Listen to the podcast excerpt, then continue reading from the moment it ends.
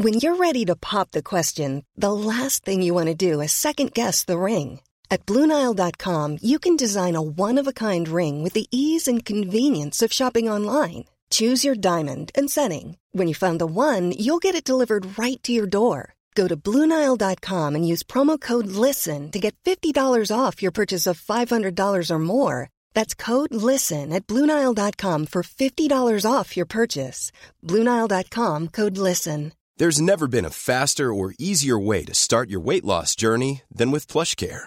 PlushCare accepts most insurance plans and gives you online access to board-certified physicians who can prescribe FDA-approved weight loss medications like Wigovi and Zepbound for those who qualify. Take charge of your health and speak with a board-certified physician about a weight loss plan that's right for you.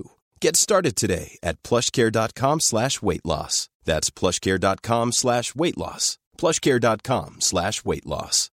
Millions of people have lost weight with personalized plans from Noom, like Evan, who can't stand salads and still lost 50 pounds. Salads, generally, for most people, are the easy button, right? For me, that wasn't an option. I never really was a salad guy. That's just not who I am. But Noom worked for me. Get your personalized plan today at Noom.com. Real Noom user compensated to provide their story. In four weeks, the typical Noom user can expect to lose one to two pounds per week. Individual results may vary. Quality sleep is essential. That's why the Sleep Number Smart Bed is designed for your ever evolving sleep needs. Need a bed that's firmer or softer on either side? Helps you sleep at a comfortable temperature? Sleep Number Smart Beds let you individualize your comfort so you sleep better together. JD Power ranks Sleep Number number 1 in customer satisfaction with mattresses purchased in-store. And now, save 50% on the Sleep Number limited edition Smart Bed for a limited time. For JD Power 2023 award information, visit jdpower.com/awards. Only at a Sleep Number store or sleepnumber.com. I'm amazed how many people own stocks. They, they would not be able to tell you why they own it. They couldn't say in a minute or less why they own it. Actually, you really press them down, they'd say the reason I own this is the sucker's going up. There's enough cash in the financial system, and there's an infinite amount of cash at the Federal Reserve. An infinite amount Put of cash. Put that check in a money market mutual fund. Then we'll reinvest the earnings into foreign currency accounts with compounding interest, and it's gone. So they had to do something. All they had left was just to print money and start buying things. And that's what they did. Quick buck artists come and go with every bull market, but the steady players make it through the bear market. They say money can't buy happiness. Look at the fucking smile on my face. Hej och välkommen till ett nytt avsnitt av Market Makers. Hör du Fabian, det är mörkt ute och tråkigt på börsen, men förhoppningsvis kan vi liva upp den här torsdagen. Vi spelar ju dock in tisdagen 10 november, ska vi säga bara för protokollets skull. Men förhoppningsvis kanske vi kan liva upp lite, för vad ska vi prata om idag? Jo, det är ju nämligen så, jag sitter ju i karantän för att min älskade flickvän, hon är ju sån här eh, danskjävel och umgås med minkar och grejer nere i Danmark. Så att eh, då när hon kom tillbaka till UK, ja, då var ju hela hushållet tvungna att sätta sig i karantän, får inte ens gå ut på flera veckor. Och då tänkte vi, vad är bättre att snacka om då än matleverans? Ja, men precis. Och vi kommer att prata lite grann om två specifika bolag, framförallt kanske Delivery Hero, eh, men kommer också toucha lite på Hello Fresh som är rätt intressant, som jag tror faktiskt noterades ganska nyligen. Men det kommer såklart också handla generellt om den här marknaden som är väldigt, väldigt spännande och en riktig coronavinnare, men som kanske har blivit lite billigare nu i och med de här vaccinnyheterna som har dragit ner hela börsen. Och jag tänkte ändå att vi kanske skulle kommentera kort på det, för det är ändå lite stormigt på börsen just nu. Samtidigt såklart, zoomar man ut så känns det ju lite larvigt. Det är som att, som att gnälla på att Zoom var ner liksom 17 procent på en dag och det är ju klart att det är jättetrist om man äger aktier där. Men samtidigt är den uppe ett par hundra procent i år, så att det är liksom egentligen inte så stor skada skedd om man zoomar ut lite.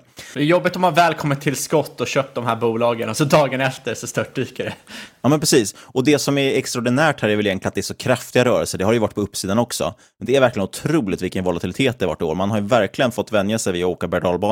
I alla fall, den här vaccinnyheten, det är knappast, den var knappast undgått någon, men Pfizer gick ut och eh, hintade om att man hade ett säkert coronavirus. Eh, jag tyckte när man läste om det att det kändes lite halvtveksamt och dessutom ska det här viruset behöva minus 80 grader, alltså frysas ner till minus 80 grader för att det ska kunna fraktas runt och sådär. Så vi får se, men de, de kan ju det där bättre än vad jag kan. Det jag däremot tänkte kunde vara intressant att kommentera innan vi drar igång avsnittet och det är väl lite varför just nyheten om ett vaccin så kraftigt har påverkat våra älskade techaktier det är väl ingen egentligen som ifrågasätter digitaliseringstrenden i stort. Eh, och den har varit tydlig länge och den förändras knappast markant egentligen av vaccinnyheterna.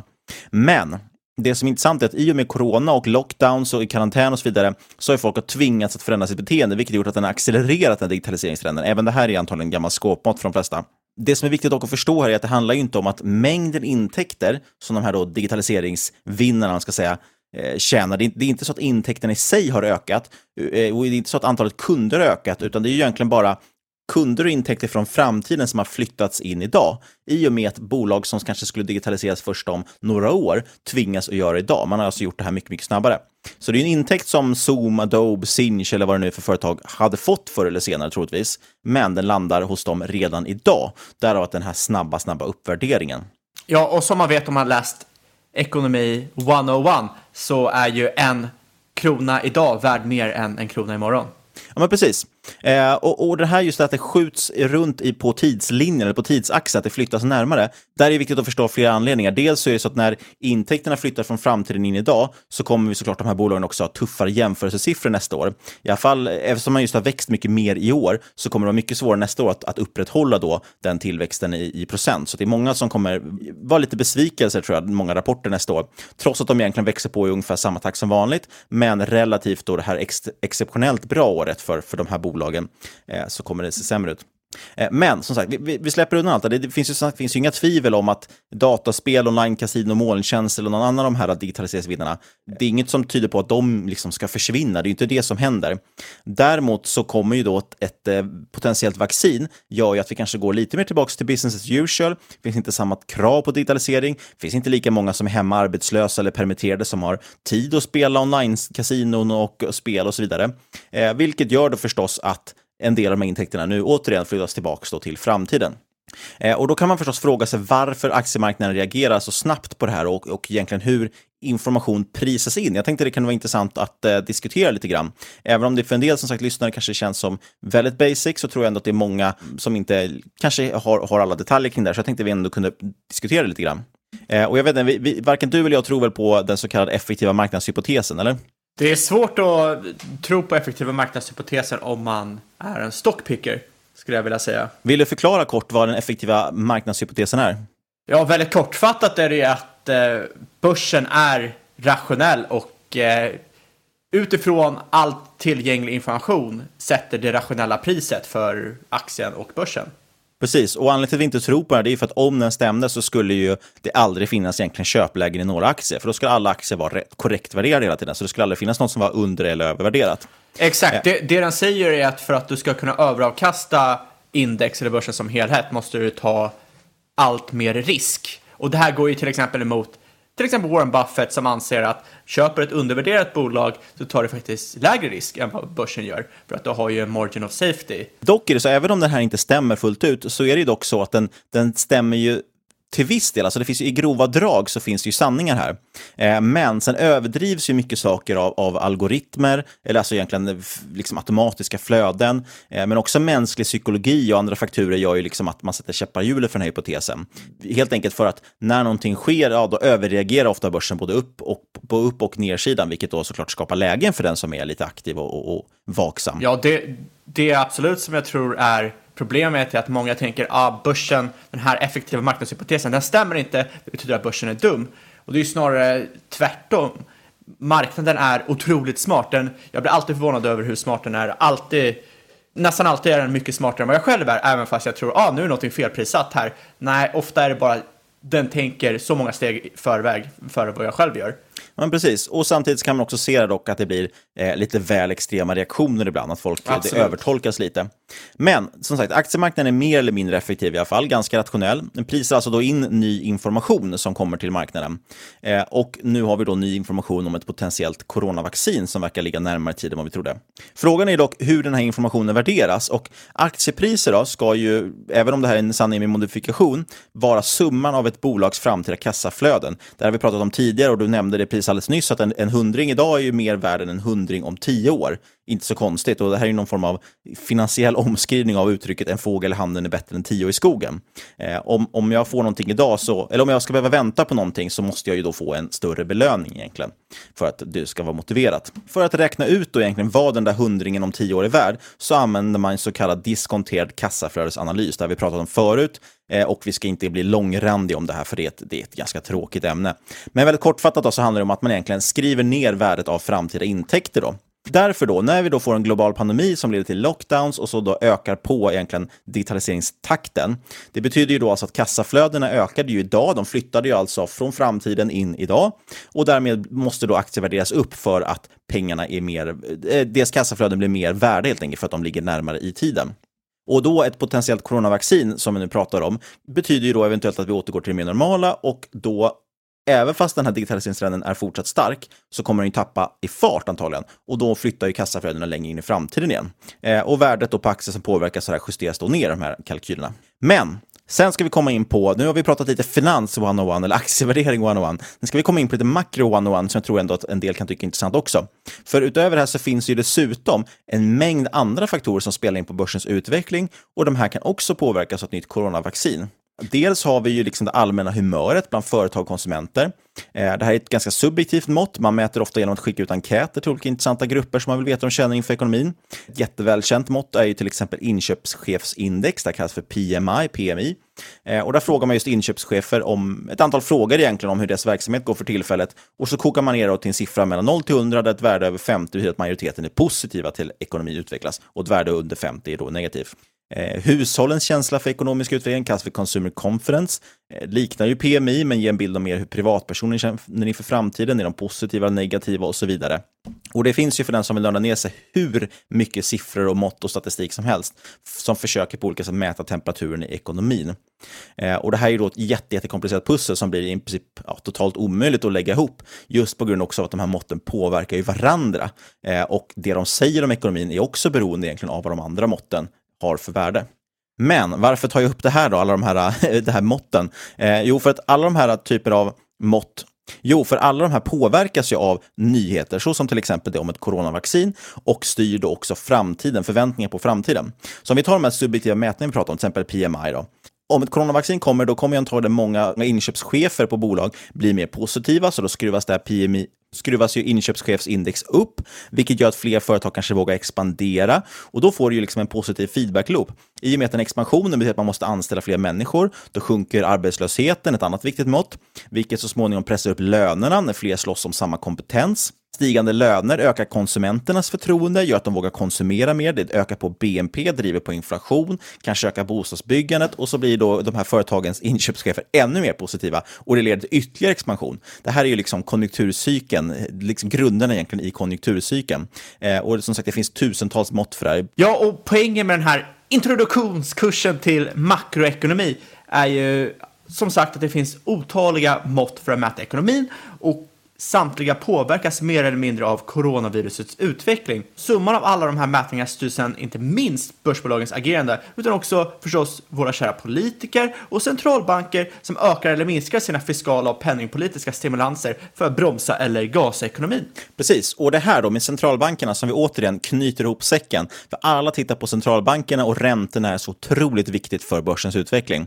Så om vi nu tar den här nyheten då om ett lovande coronavaccin, då förstår vi ju snabbt att även om själva vaccin förstås är jättepositivt för ekonomin, kommer det också då kanske leda på sikt då till att om ekonomin tuffar på bra, ja då behövs det mindre stimulanser, då kanske vi börjar öka räntorna, det vore ju liksom mardrömmen. För att, anledningen till att vi är så fasligt rädda för de här högre räntorna, det är ju förstås för att delvis sänker man ju då risknivån i marknaden, eller folk kommer vilja ha Folk kommer vilja ta lägre risk och säljer då de mest riskfyllda aktierna. Men det påverkar också de här diskonterade kassaflödena som vi pratade om tidigare eh, och som vi hävdar då bestämmer en aktiers pris. För lägre ränta ger större värde för framtida kassaflöden eftersom alternativet blir lägre. Och det här har ju gynnat de bolag som satsar på tillväxt för lönsamhet, a.k.a. techbolagen som har liksom försakat vinst idag för att driva på tillväxt. Och det är det som har belönat de här bolagen med de här hårresande omsättningsmultiplarna. När räntan dessutom är noll, eller kanske till och med negativ, då exploderar ju egentligen det teoretiska värdet eller motiverade värdet på de aktierna eftersom nollränta gör att alla framtida kassaflöden är lika mycket värda och tar negativ ränta, då blir till och med pengar i framtiden mer värda än pengar idag. Så då är det nästan positivt att bolag ger förlust idag om det kan ge mer tillväxt framåt.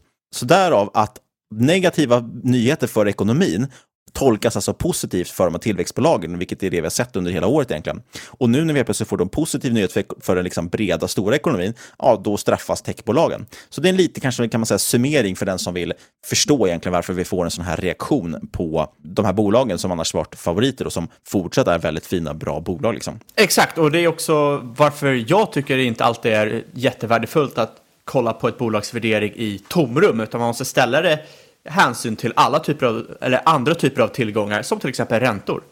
Och med det sagt, låt oss prata om några coronavinnare som trots eventuellt och kortsiktig motvind är ruskigt intressanta för de som fortsatt tror på digitaliseringstrenden. Eh, det har ju varit som sagt några neddagar rejält här, men samtidigt så sjuk volatilitet. Jag tyckte jag såg HelloFresh till exempel var ner 12 procent eller något idag, men sen upp igen och nu låg den väl runt nollan istället. Så det, det är otroliga rörelser. Jag tror att det här är mumma för de som är duktiga på att handla kortsiktigt.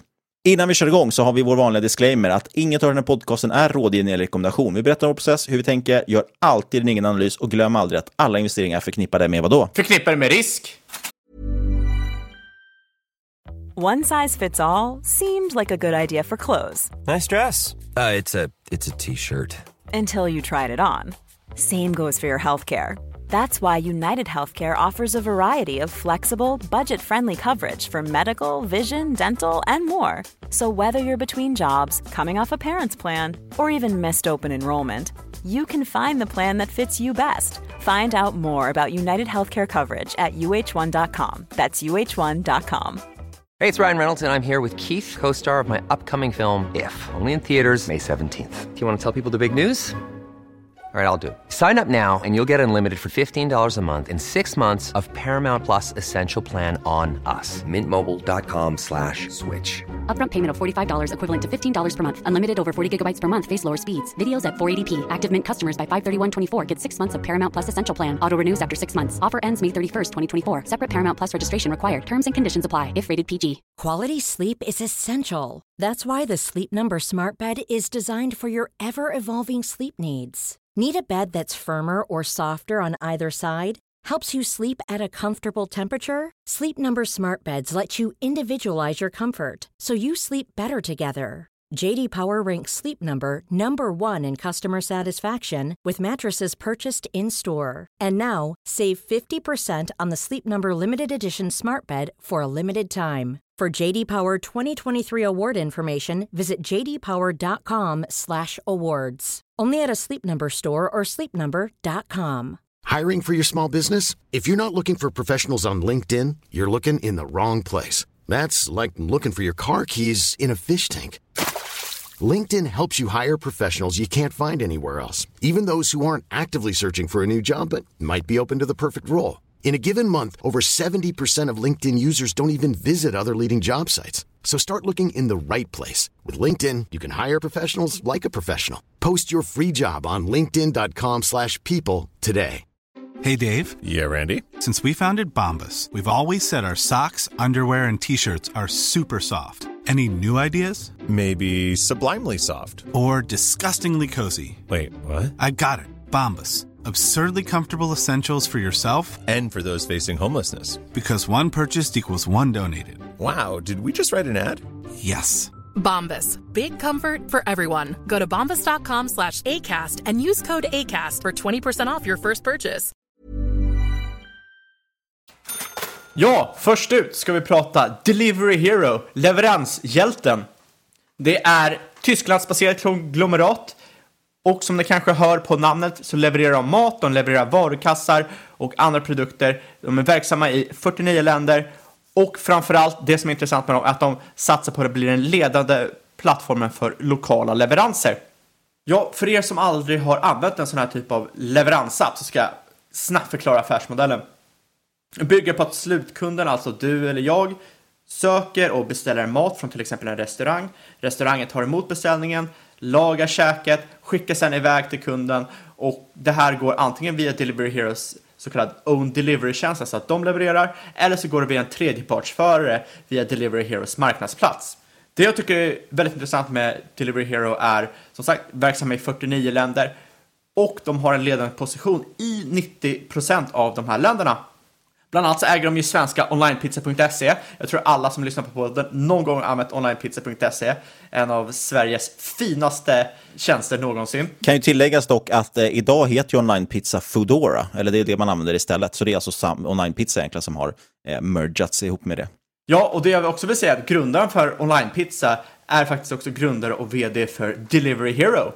Så även fast bolaget är tyskt så har vi en svensk grundare och vd där. Ja, lite trist faktiskt att det här svenskan, får man ju då säga, undret onlinepizza har missats lite grann tycker jag när man pratar om de svenska startupsen som är stora. Det, det är en otroligt intressant startup som jag tror många underskattar om man inte hört eh, historien. För att det var ju så att de startade någon gång tidigt 2000-tal och då var ju inte internet så utbrett bland eh, restauranger. Så de var ju tvungna, många tänker att det är ett internet-startup, men det var mycket mer av en eh, fysisk hardware startup. För de var ju tvungna att bygga en manik som kunde ta emot beställningar från kunden och sen skickades den till restaurangerna för att sen skickas till dem.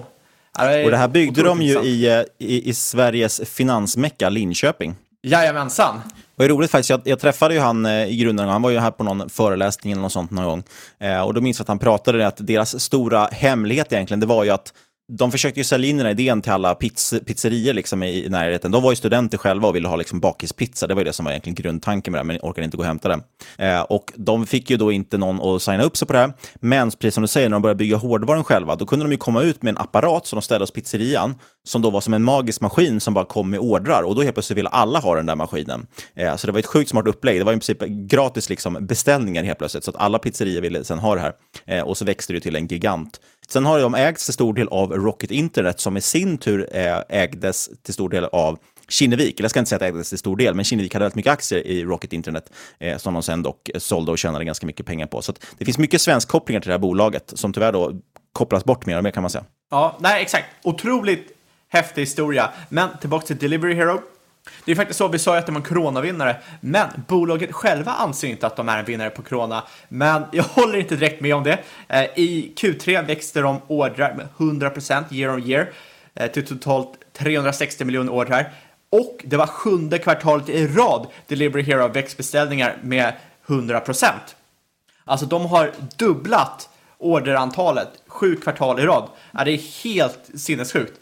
Men då, Eh. då har de egentligen rätt att det inte är någonting med corona egentligen.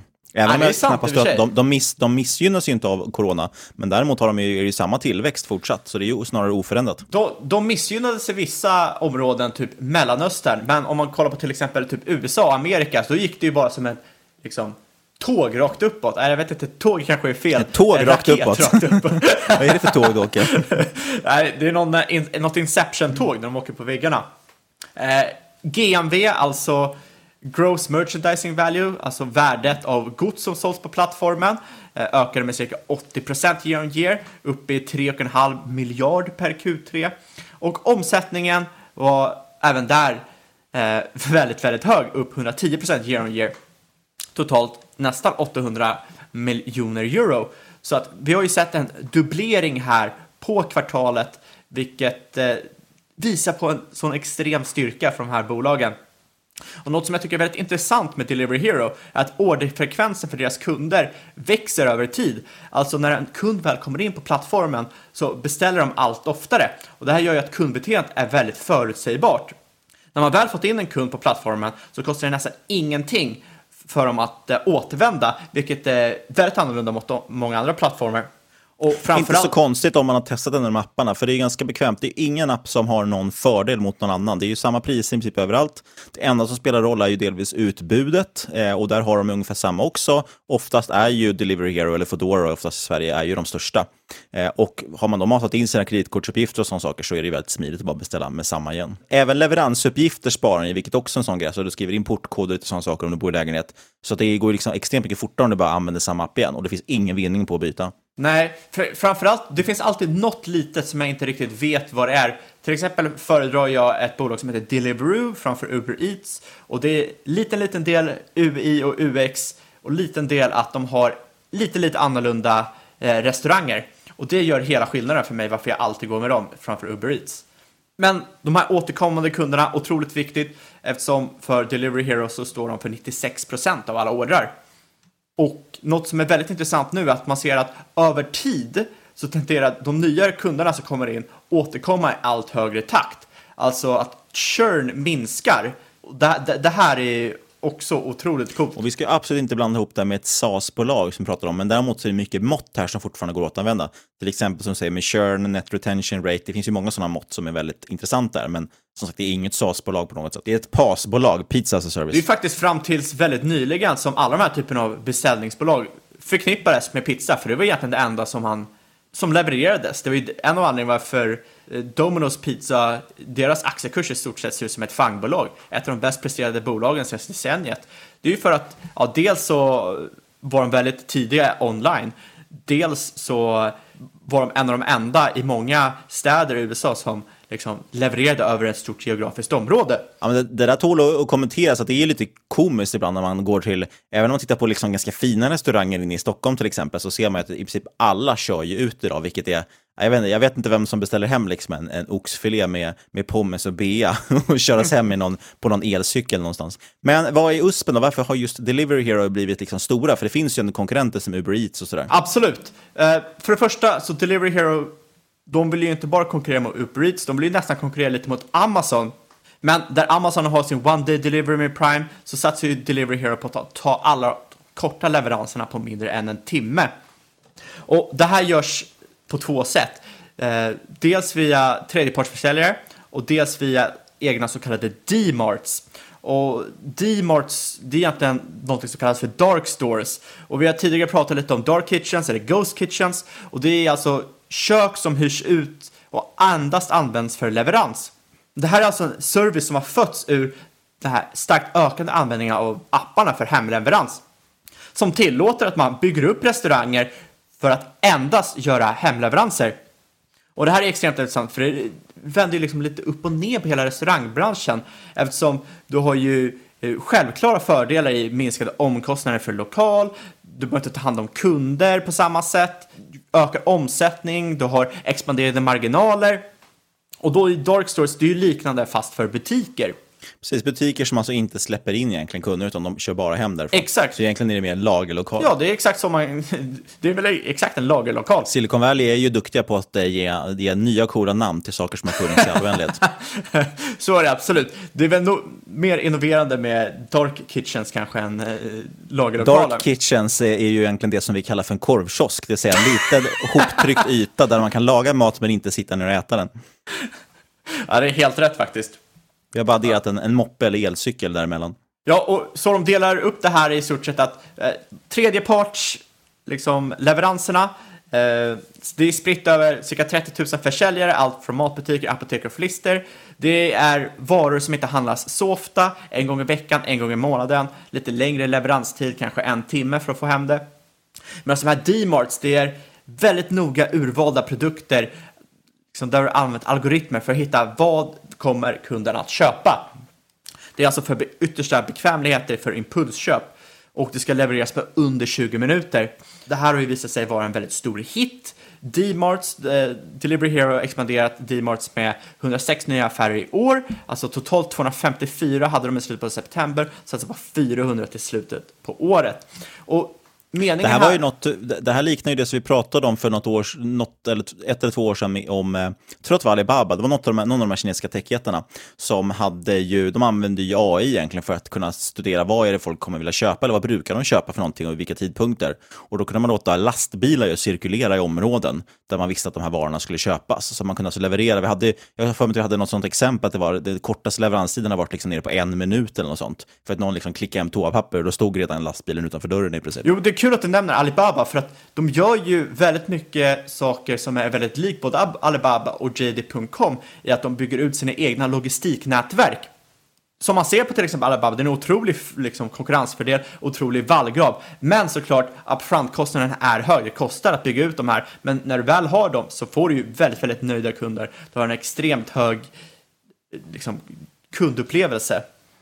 Men de här D-martsen, det är inte så att de på något sätt ska konkurrera ut tredjepartsbutiker. De ska bara kunna erbjuda något de inte kan själva göra. Det är alltså att kunna sälja väldigt låg volym till lågt pris, ha en väldigt snabb leverans. Eller det det handlar om är hyperlokalisering helt enkelt. Och hyperlokalisering, det vi egentligen pratar om här, det är att de vill ju egentligen konkurrera mot närlivsen, liksom, alltså den lokala lilla butiken, dit du springer och impulsköper saker.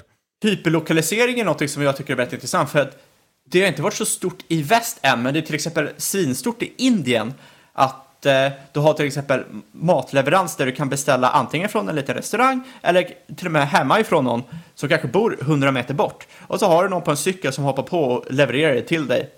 Och du kan bara beställa inom kanske en kilometers radie.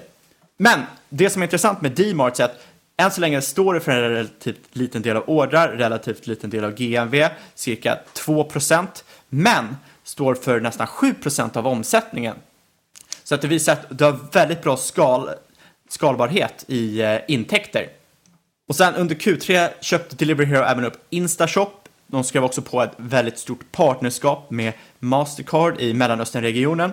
Och Instashop är alltså den ledande marknadsplatsen för matvarukassar i den regionen. Växt med 330% i år.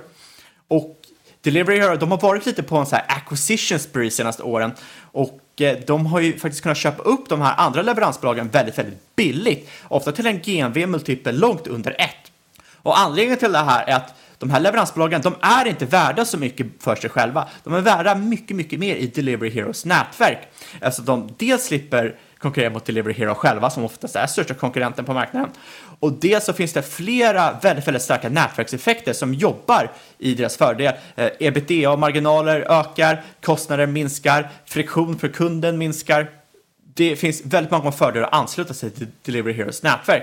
Sen också det här partnerskapet med Mastercard är väldigt eh, intressant för att det visar ju på att Delivery Hero vill expandera sina betallösningar, minska friktionen och förenkla betalningen som man ser andra marknadsplatser göra. Det är lite som Niklas snackade om i eh, lite som du snackade om i eh, försvepet där med makron, att det här bolaget det är ju fortfarande i growth mode. Att de satsar ju inte på att vara lönsamma. Varje nybeställning, ja, det hjälper i jakten på lönsamhet, det hjälper i jakten på marginalexpansion, men de satsar ju på att bli nummer ett på alla marknader. För det är ju faktiskt inte lönsamt för marknadsplatsbolag att vara nummer två eller knappt nummer ett. De måste vara nummer ett med bra marginal. Det är där lönsamheten exploderar. Det är där de ser ökande marginaler. Och det är ju väldigt tur då att Delivery Hero har blivit etta i sex länder i år och förlorat noll nummer ett-platser. Ja, och det ska man ju säga att det, det är inga roliga siffror tycker jag när man kollar på bolaget. Det enda egentligen som går åt rätt håll som är kul att titta på, det är just omsättningstillväxten. Den är ju extremt kraftig. Eh, men man ser liksom ingen trend i, i lönsamhet. Eh, så det gör ju också att man måste göra sin läxa lite noggrannare och verkligen sätta sig in i och förstå verksamheten och eh, vad det egentligen man, är, man köper för någonting. Det enda som jag kan se som jag tycker är lite, lite svårt för med de här um, verksamheterna, med många av de här, med, det gäller ju även Uber med deras taxiverksamhet och Lyft och så vidare, det är ju ofta att det, det, finns ju ändå ett litet problem här med den här typen av jobb. Åtminstone nu, nu är jag väldigt lokal här i Sverige. I andra länder kan det vara så att det här funkar på ett annat sätt, men i Sverige så är det ju inte riktigt hållbara Eh, jobb egentligen, eller arbeten. Det är liksom, du lever ju nästan mer eller mindre under fattiggränsen liksom. Eh, och ofta utan då rimliga arbetsförhållanden. Eller allt, allt runt omkring. Du har inte så mycket säkerhet och trygghet och sådana saker. Och ofta så är det faktiskt lite märkliga saker som spelar in, olika typer av subventioner och så. Jag kan ta som exempel här i Linköping, så, så lanserade Linköpings kommun nyligen då eh, ett eh, elcykelpool egentligen för, för stan, där vem som helst ska kunna plocka ut en elcykel och köra med den eh, och ställa den då i sådana här färdiga rack rackliknande som citybikes i Stockholm, fast med elcyklar. Eh, och det här är ju då såklart kraftigt subventionerat, som man tycker är ett miljöalternativ. Men de enda i hela stan som faktiskt kör på de elcyklarna, det är ju Foodora. Alltså det är bara, det, det finns inte en enda Foodora-människa eh, som är ute och levererar som inte kör på en sån här då, eh, elcykel som vi då skattebetalare i kommunen har varit med och finansierat. Så det är lite sjukt, det är liksom hela ekonomin är lite galen, det har vi varit inne på förut också, att allt är subventionerat antingen av politiker och skattepengar eller ofta då riskkapitalister, ofta också som då plöjer in pengar i det här för att vi andra ska kunna ta del av saker billigare än vad de egentligen kostar. Exakt, och så blir det ju sådana här typer av affärsmodeller när det krävs att du ska vara liksom ligga så långt före alla andra för att det ska bli lönsamt. Men det skiljer sig egentligen inte så mycket från till exempel Amazon eller Alibaba eller Si eller Mercado Libre som vi har snackat om innan. Det krävs ju också att de ligger långt före sin konkurrens för att de ska kunna bli lönsamma på marknadsplatsbusinessen. Absolut, men, men det man ska tänka på är att det är ett väldigt högt spel man spelar. Eh, för en Absolut. del av de här bolagen kommer aldrig att nå den positionen och då är det ju verkligen, du kan ju slunga in hur mycket pengar som helst i det där eh, och sen slutar det med att du har ett WeWork istället på händerna. eh, men, men någon gång då och då blir det ett Amazon och då är det ju förstås väldigt kul om man varit inne tidigt i det bolaget. Exakt, och det är ju det man får, får tänka på. Och det Eh, här kanske just Delivery Hero har en väldigt intressant position, för de ser ju ut att vara en, en för kraftig marknadsledare. Ja, det är det som är intressant med Delivery Hero. De är ju inne i 40 plus länder, marknadsledare i 90 procent av dem. Men som du säger, det finns mycket risker. Bland annat så håller de ju på, de håller på att vänta på ett godkännande att få merga sig med koreanska eh, Woowa Brothers, för de äger Baymin som är Sydkoreas populäraste food delivery app. Skulle de göra det här skulle de bli störst i eh, Sydkorea, eh, tillhandahålla 90% av landets food delivery-marknad. Ni kan förstå, det är lite människor där som har lite emot det här. Men skulle det här gå igenom och det är inte 100% säkert att det kommer göra det, då kommer de bli en av de största, om inte den största spelaren i hela Asien utanför Kina. Men jag tycker vi ska zooma ut lite nu från Delivery Hero och prata mer generellt kanske om matleveranssektorn. Eh, Det här är ju ett otroligt växande område liksom som, som någonstans ändå berör väldigt mycket människor och som jag tror väldigt många är nyfikna på. Ja, absolut. Eh, För det första ska man ju ta det här att millennials, generation C, alltså de som är yngre än millennials, de gillar ju att trycka på knappar, de gillar inte att prata med människor. Det är ju ingen idag som plockar upp luren och ringer efter en taxi. Du beställer en Uber eller någon annan typ av taxitjänst i mobilen istället. Man får alltså någon typ av baslinje för bekvämlighet. Och sen visar det ju också, man, konsumenter allmänt älskar att få mat levererad. Men hittills har det inte riktigt funnits någon infrastruktur byggt kring det här. Alltså kök och liknande byggt för att leverera mat. Och då kan man ju tänka sig att, tänk er det som Amazon har gjort för retail. Det här måste ju finnas för matleverans. Amazon, de hade aldrig kunnat erhålla samma typ av skala om de hade använt samma typ av infrastruktur som för vanliga brick and mortar stores. För alla vet ju att det kostar extremt mycket att äga och driva en restaurang och framförallt så begränsas intäkter av hur många man kan servera inne på restaurangen, när kunderna vill gå och äta och det är inte så ofta, det är typ lunch och middag. Och det gör ju att det är väldigt svårt att optimera kostnader för att en restaurang ska gå upp. Och då ger ju pickup och leverans bland annat ger en ny intäktskanal för restauranger. Och sen om man lägger på till exempel så kallade dark kitchens, ja, helt plötsligt kan du starta en restaurang utan någon typ av upfront-kostnad eller någon särskild upfront-kostnad. Du behöver inte leasa lokal, du behöver inte bygga ut själva restaurangen, du kan snabbt komma igång och servera och leverera mat. Det förändrar väldigt mycket i infrastrukturen kring restauranger. Dessutom får ju restauranger då tillgång till data på kunden. När du går in och köper mat på en vanlig restaurang, då får ingen, inte kunden någon data på, eller då får inte företaget någon data på kunden. Det är ungefär som du skulle gå och surfa 100% anonymt på en hemsida. Det säger inte så mycket för företaget bakom hemsidan vem du är eller vad du vill ha. Med den här datan så kan nu restaurangen optimera när de säljer, vad de säljer, hur de säljer, till vem de säljer. De kan till exempel optimera för olika typer av korgstorlekar. De kan eh, sätta targets på återkommande kunder och så vidare. Och sen kan de förstås också göra all form av egentligen dataanalys som, som säger om vad, vad är det vi tjänar mest på, vad är det Exakt. vi kan trycka mer på för att öka lönsamhet och så vidare. Det blir ju en, en mer datadriven affär. Absolut, och det här ändrar ju faktiskt väldigt, väldigt mycket hur restauranger som företag fungerar. Och jag tror personligen att all form av matleverans kommer fortsätta att öka över tid. Tänk dig till exempel matvarukassar som Delivery Hero också håller på med. Det tror jag kommer bli bättre allt med att tjänsten förbättras. För det är en typisk grej som har varit väldigt lång, eller haft väldigt långsam adoption rate. Många människor vill gå och känna och klämma på frukterna, du vill inte få en mosebanan till exempel. Men när man inser hur bra det här fungerar och att tjänsten faktiskt blir bättre och bättre och bättre, då inser man ju också hur mycket tid man sparar på att inte själv gå i affären och handla. Helt enkelt så plockar de här apparna bort väldigt, väldigt mycket friktion i kundens vardag. Och då kan man ställa sig frågan varför är det här viktigt? Jo, friktion är en av de viktigaste sakerna att hålla koll på när det kommer till tech. För man pratar oftast om att vill någon byta till, eller vill man få en kund att byta till en ny lösning så krävs det en tio gånger förbättring i kundupplevelsen. Ett exempel är från när man gick till cash till kort. Och det här sker oftast genom att man tar bort friktion för användaren. Och Och det här förklarar ju också varför vi har svårare att gå från kort till mobil jämfört med de som går från cash till mobil. Helt enkelt för att förbättringen att gå från ett kort till att blippa en mobil är ju inte särskilt stor. Man kan lika gärna blippa kortet som man kan blippa mobilen. Exakt, så den övergången kommer, om den någonsin kommer gå 100%, vilket jag inte tror att det kommer hända, men det kommer ta mycket längre tid. Men i alla fall, när man tar bort friktionen i den digitala världen, då låser man upp någonting som kallas för non-linear behavior, alltså icke-linjärt beteende. Ja, och då för att exemplifiera det här icke-linjärt beteende så var hela taximarknaden 2014 i USA värd cirka 11 miljarder dollar, hade en tillväxt på cirka 6% om året. Fem år senare så drog bara Lyft in 11 miljarder dollar i omsättning. Uber drog in dubbla det här, alltså 32 miljarder dollar totalt endast i USA. Det är alltså tre gånger så mycket som hela taximarknaden 2014. Och det här lyckades de med genom att ta bort friktionen och skapa en så kallad icke-linjär effekt i användarbeteendet som helt förändrade marknaden.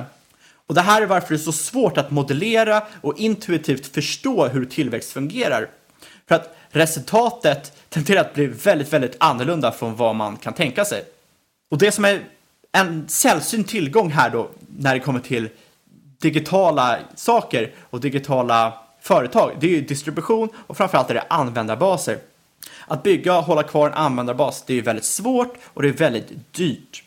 Därför man alltid pratar om churn, varför churn är så viktigt.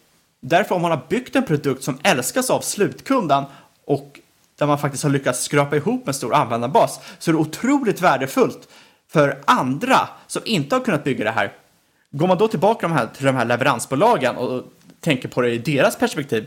Historiskt sett har de ju haft det väldigt svårt med så kallad unit economics. Alltså, eh, det kostar ju inte bara att göra maten, att plocka en kasse, det kostar att få hem den också och eh, leveransbolagen har i stort sett förlorat pengar på varje transaktion. Investerare, de ser ju att ja, för varje dollar vi slänger in så får vi 50 cent tillbaka. Kunderna säger det här som gratis pengar. Det är alltså en väldigt ointuitiv affärsmodell.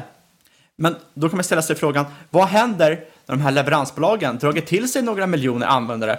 Jo, helt plötsligt börjar då företagen vars varor finns på de här apparna börja tänka på, hmm, undrar vilken läsk eller vilken godis de här användarna föredrar. Tänk om man kan marknadsföra läsken eller godisen till användarna så att de väljer vår läsk istället för vår, liksom vår konkurrens läsk. Och det är ju så att människor, de handlar ju nästan alltid utanför en lista och den här listan är ju väldigt återkommande. Det är ju samma mat, det är samma märken. Så att när ett företag, ett märke, ett brand hamnar på den här listan, då har de hamnat i en loop av vanemässiga återköp som är otroligt värdefullt för märkena. För du får ju på något sätt ett lifetime customer där. Så har man tiotals miljoner kunder då som handlar mat via ens app, så helt plötsligt kan man ju då vända sig mot de här företagen som säljer varorna och säga ja, hur mycket är det här värt för dig? Hur mycket är det värt för dig att visa för kunderna att vi listar dina varor först? Ja, sanningen är att det är värt väldigt mycket. Och eh, det här kan vi se också på andra e-handelsplattformar. I stort sett alla e-handelsplattformar gör ju nu någon typ av sponsrad listning. Amazon, då Ebay, då Etsy. Och det här är varför. Att vara mellanhanden mellan slutkunden och företagen, att ha konsumentens uppmärksamhet är otroligt värdefullt. Till och, med det här är inte minst, det är ju samma sak vi ser i, i sökannonsering, eh, sociala medier-annonsering och så vidare. Det handlar ju alltid om egentligen att, eh, att få uppmärksamhet, det är det man betalar för till. Exakt, och det, det är egentligen det som de här leveransbolagen blir till slut. De blir ju en ad company. Och eh, ja, till och med Uber Eats kör ju ads nu för restauranger. De gör även ads för till exempel läsk för bolag som vill marknadsföra sin läsk så att kunder köper det på restaurangen. Och eh, det är väl någonstans här man återkommer till Delivery Hero, för de satsar ju på att vara framtidens supermarket när fysisk handel övergår till digitalt. Och eh, man satsar ju först och främst då på högfrekvensaktivitet, alltså mathandel, eh, som drar in kunden i appen väldigt ofta. Man aggregerar väldigt mycket data, man äger kundrelationen och kunders uppmärksamhet. Det här är ytterst värdefullt som vi precis pratade om, för då helt plötsligt kan du vända dig till företagen och få deras kosing. Och eh, Delivery Hero blir alltså en aggregator av utbud, aggregator av efterfrågan och det här bygger en väldigt stor vallgrav i både data, kundrelation och logistiknätverket. Sen blir det liksom steg två i den här processen och det här kommer ju vara om flera år framåt. Men när, när kunder använder appen oftare så blir det en allt viktigare del i deras vardag. Det är bara att tänka på till exempel Twitter eller Facebook, hur ofta du använder den. Desto oftare du använder den, desto oftare tenderar du att använda den. Det blir som en feedback loop. Och det här gör ju också att Delivery Hero över tid kan skifta över till att sälja det som kallas för low frequency högmarginalprodukter, alltså saker som inte säljs lika ofta. Och ett exempel är om man kikar över på Kina och deras Meituan Jumping som säljer till exempel hotellvistelser på deras plattform. Och det är inte konstigt att tänka sig att Delivery Hero över tid kommer hamna här också, där de säljer en allt bredare mängd produkter. För att genom att äga kundens uppmärksamhet för många mindre köp så blir planen att kunna skala upp över tid för allt större köp och bli som en typ av destination för konsumentens varuhandel. Och helt enkelt bli en superapp med andra ord. Ja, det är ett spännande bolag och det jag verkligen tror att många missar egentligen i det här caset, det är ju egentligen de här högt flygande planerna. Alltså det du beskriver är ju som en plattform och inte alls bara liksom en, en utkörningsapp eller liksom hemleverans av mat, utan det är verkligen någonting otroligt större. Eh, och jag ser, vi har redan drag, börjat dra ut på tiden ganska rejält tycker jag, men jag tänkte bara snabbt nämna, apropå matleveranser, så tycker jag Hello Fresh kan vara intressant att titta på. Eh, de noterades ganska nyligen i Tyskland, om inte jag missförstått det här, i slutet på oktober i alla fall.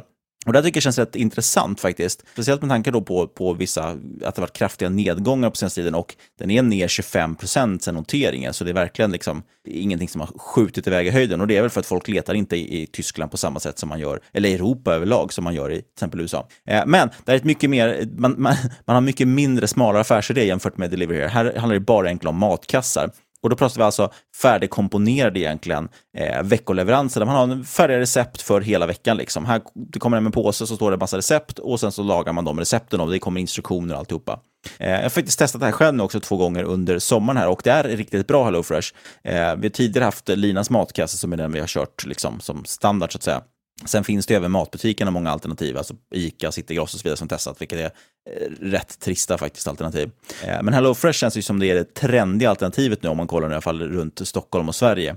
Eh, och det är väldigt liksom, bra mat de skickar ut och väldigt enkla instruktioner som jag tror att många som kanske också är lite mindre intresserade av matlagning har lättare att ta till sig. Jag tycker att det är ett svinintressant koncept för att jag tror att det är väldigt många som inte vill ta hand om och göra maträtter. Jag vet ju själv hur jobbigt det kan vara när man vill äta något nytt, inte samma gamla vanliga, men så måste man sitta och leta recept, komma på vad man ska handla. Det tar ju hur många timmar som helst och liksom eh, time is a scarce commodity. Det är ju exakt som de andra bolagen. Man vill spara så mycket pengar som helst. Att då kunna använda HelloFresh som skickar ingredienser och vad du ska laga är ju otroligt trevligt, samtidigt som du får hemlagat käk. Ja, men precis. Det blir en ytterligare nivå utöver det här bara att leverera hem maten som till exempel Mathem och så vidare kan göra. Här får du dessutom också färdigkomponerade recept. Sen finns det massvis med nischade kassar. Jag vet till exempel att vi har provat LCHF-kasse, vi har provat någon som bara gör efter årstider med ekologiska varor och så vidare. Så det finns ju liksom, du kan ju nischa in de här leveranserna också beroende på vilken typ av, om kunden till exempel vill ha en viss diet eller vissa ideologiska, eh, av vissa ideologiska skäl vill välja en typ av mat, till exempel vegansk kanske eller så. Det som är lite speciellt dock med Low Fresh jämfört med många av de andra här varianterna som jag nämnt, nästan alla jag nämnt här är antingen sånt som har uppfunnits ur lite panik, till exempel Ica och Citygross och så vidare, de, de tar ju fram matkassar lite för att de måste försöka konkurrera med de här eh, digitala varianterna. Eh, sen finns det ju de här Linas och så vidare som är framförallt i Sverige då som då måste köpa mat från någon annan. De har ju liksom inte, in, de är inte tillräckligt stora egentligen för att fixa maten och logistiken själva. Det som är väldigt intressant med HelloFresh är att de är väldigt, väldigt stora. Man har fem miljoner kunder redan idag. De gör faktiskt egna förpackningar och, och antagligen då ganska stora inköp och så vidare. Så att de kan liksom jobba på ett helt annat sätt, eh, vilket är väldigt intressant för att de har en helt annan skala eh, och finns i flera länder. Det, det, tycker jag är en rätt intressant del av det här bolaget. Man, man noterar det om man får hem de här leveranserna, som sagt att det är till exempel andra förpackningar som bara finns via HelloFresh. Eh, på, på. Eh, dessutom faktiskt, det som jag sticker ut lite från jämfört med till exempel Deliver here, det är ju att de här faktiskt också tjänar lite pengar nu. Eh, bruttomarginalen är riktigt trevlig, ligger på 60 procent, kan jämföras med typ 25 procent för Delivery Hero. Eh, och även rörelse och vinstmarginal har tränat väldigt fint uppåt. Och det här är faktiskt det som är nästan mest intressant med det här bolaget. Så det är så extremt tydlig trend att när det här skalar upp och växer så ökar också marginalerna. Så det är verkligen tydliga skalfördelar. Och det var lite det jag var inne på, att man kan då pressa priser på råvaror och så vidare och, och, och optimera logistiken och det. Eh, så fortsätter den här trenden med, med ökat antal kunder och, och mer beställningar, eh, då kommer det här skala ruskigt bra. Och man har nu som sagt vänt till vinst, så idag handlas bolaget på P28, vilket ändå förvånar mig lite med tanke på att det går ju att sälja in där som en coronavinnare och liksom hypa upp eh, storyn kring det här. Eh, så det låter ju liksom billigt med tanke på, på det i, i, i ryggen så att säga. Q3 växte man 100%, eller mer än 100% faktiskt, på samtliga marknader som man var aktiv på, jämfört med samma period föregående år. Eh, USA växte med närmare 130%, så det är verkligen ett intressant bolag som växer starkt och framförallt då som sagt, kan man bibehålla bara en, en del av den tillväxten så ser vi otroliga marginal, eh, otrolig marginalexpansion, vilket kan göra att det här blir helt plötsligt faktiskt någorlunda billigt liksom, med tanke på, på vad det är för typ av snabbväxande bolag. Så det är rätt intressant faktiskt, eh, speciellt nu om man kan då plocka upp det kanske lite billigare nu när det straffas rätt hårt med allt annat som går ner. Verkligen, och jag tycker att eh, Hello Fresh det liksom understryker nästan allting som vi pratade om tidigare när det kommer till att nå skala, nå number one och vilken typ av Liksom, marginalexpansion du får där. För jag ser ju HelloFresh överallt, nästan dagligen. Ja, och det man kan säga för att ställa de här två mot varandra så är det väl så att Delivery Hero är liksom ett mycket mer storslaget, eh, en storslagen affärsidé, men därmed också med ett högriskcase och som inte är mer lönsamt. HelloFresh kanske är det någonting för den som vill hitta något som är lite billigare sett i värdering, eh, som faktiskt gör vinst och så vidare, så kanske då någon form av lite tryggare play ändå på den här typen av trend. Det var dagens avsnitt och vi ska väl förstås kontrollera om vi äger aktier i något av de här bolagen. Äger du Delivery Hero eller eh, Hello Fresh eller något annat vi har pratat om? Uh, jag äger inte de två bolagen faktiskt. Och det är alltid lite tråkigt när man pratar om ett bolag som man inte äger. Men så är det ibland. Ja, och eh, jag upptäckte väldigt nyligen att Hello Fresh var noterat. Faktiskt av en kommande gäst här. Vi har bokat in här nu om några veckor så ska vi få hit en mat-youtuber faktiskt. Det är ju lite storslaget tycker jag. Första youtubern i podden. Nej, vi hade ju Ivan on Tech som var bitcoin-youtuber här. Det var ju riktigt det, länge det var sedan. länge sedan. Det var ju tre år sedan kanske. Ja, det har du redan glömt. Ja. Eh, Bitcoin för övrigt som ser ut att göra nästan nya all time highs nu. Den är uppe i 15 000 dollar eller sånt där. Ja, det är galet. Det gick jäkligt snabbt där. Verkligen. Men som vanligt ska vi påpeka också att inget hört den här podcasten ska ses som rådgivning, så spring inte och, och lita blint på vad vi äger eller inte. Alla åsikter dessutom våra egna eller vår gäst och eventuella sponsorer tar inget ansvar för det som sägs i podden. Tänk på att alla investeringar är förknippade med risk och sker under eget ansvar. Sen ska du förstås inte heller glömma bort vårt samarbete med Nordic Gold Trade, där du säkert och smidigt kan investera i fysiskt guld, antingen vid engångsköp eller månadssparande i andelsguld för den som vill spara en liten mindre belopp varje månad. Så om du är sugen på att införskaffa lite fysiskt guld, kolla in nordicgoldtrade.com, använd koden då MM2020, alltså Marketmaker 2020. Då får du 50% rabatt på förvaringsavgifterna för hela första året. Så det tycker jag verkligen ska kolla in. nordicgoldtrade.com. Det finns förstås en länk och kod här i avsnittsbeskrivningen. Ja, och sen kan du kontakta oss på podcast at marketmakers.se eller på Twitter at marketmakerspod. Ja, och det är faktiskt det är superkul att få mejl från er som lyssnar. Vi läser och svarar på allt, eh, om än lite senare ibland. Det kan ibland ta lång tid när man får svar tyvärr. Eh, och vi är lite dåliga. Ibland missar man det på Twitter faktiskt när folk taggar oss. Så mejlen är absolut bäst om man vill vara säker på att få ett svar. Tycker det är extra kul för övrigt när vi får in tips på intressanta ämnen i bolag. Till exempel fick vi in mycket spännande tips på just bolag inom e-hälsa sen vi bad om tips på det i förra veckans avsnitt om Teradoc. Någon som jag funderar exempel på just nu som vore kul att höra lite tips på, det är ju vilka som kan bli vinnare på elbristen som uppstår när de här amerikanska techgiganterna får massiva statliga subventioner i, i Sverige för att bygga enorma serverhallar som för övrigt inte genererar några som helst jobb och vi har ju redan en ganska utarmad infrastruktur för el i Sverige. Eh, och sen pratar jag om de här subventionerade elcykelpoolerna. Vi har ju också subventioner av elbilar i Sverige, vilket också förstås eh, sätter press på elnätet. Så har ni ett tips på bolag som kan gynnas av elbrist så tycker jag det kan vara någonting som jag eftersöker. Sist, men absolut inte minst, tack för att du lyssnar kära lyssnare. Vi hörs igen om en vecka.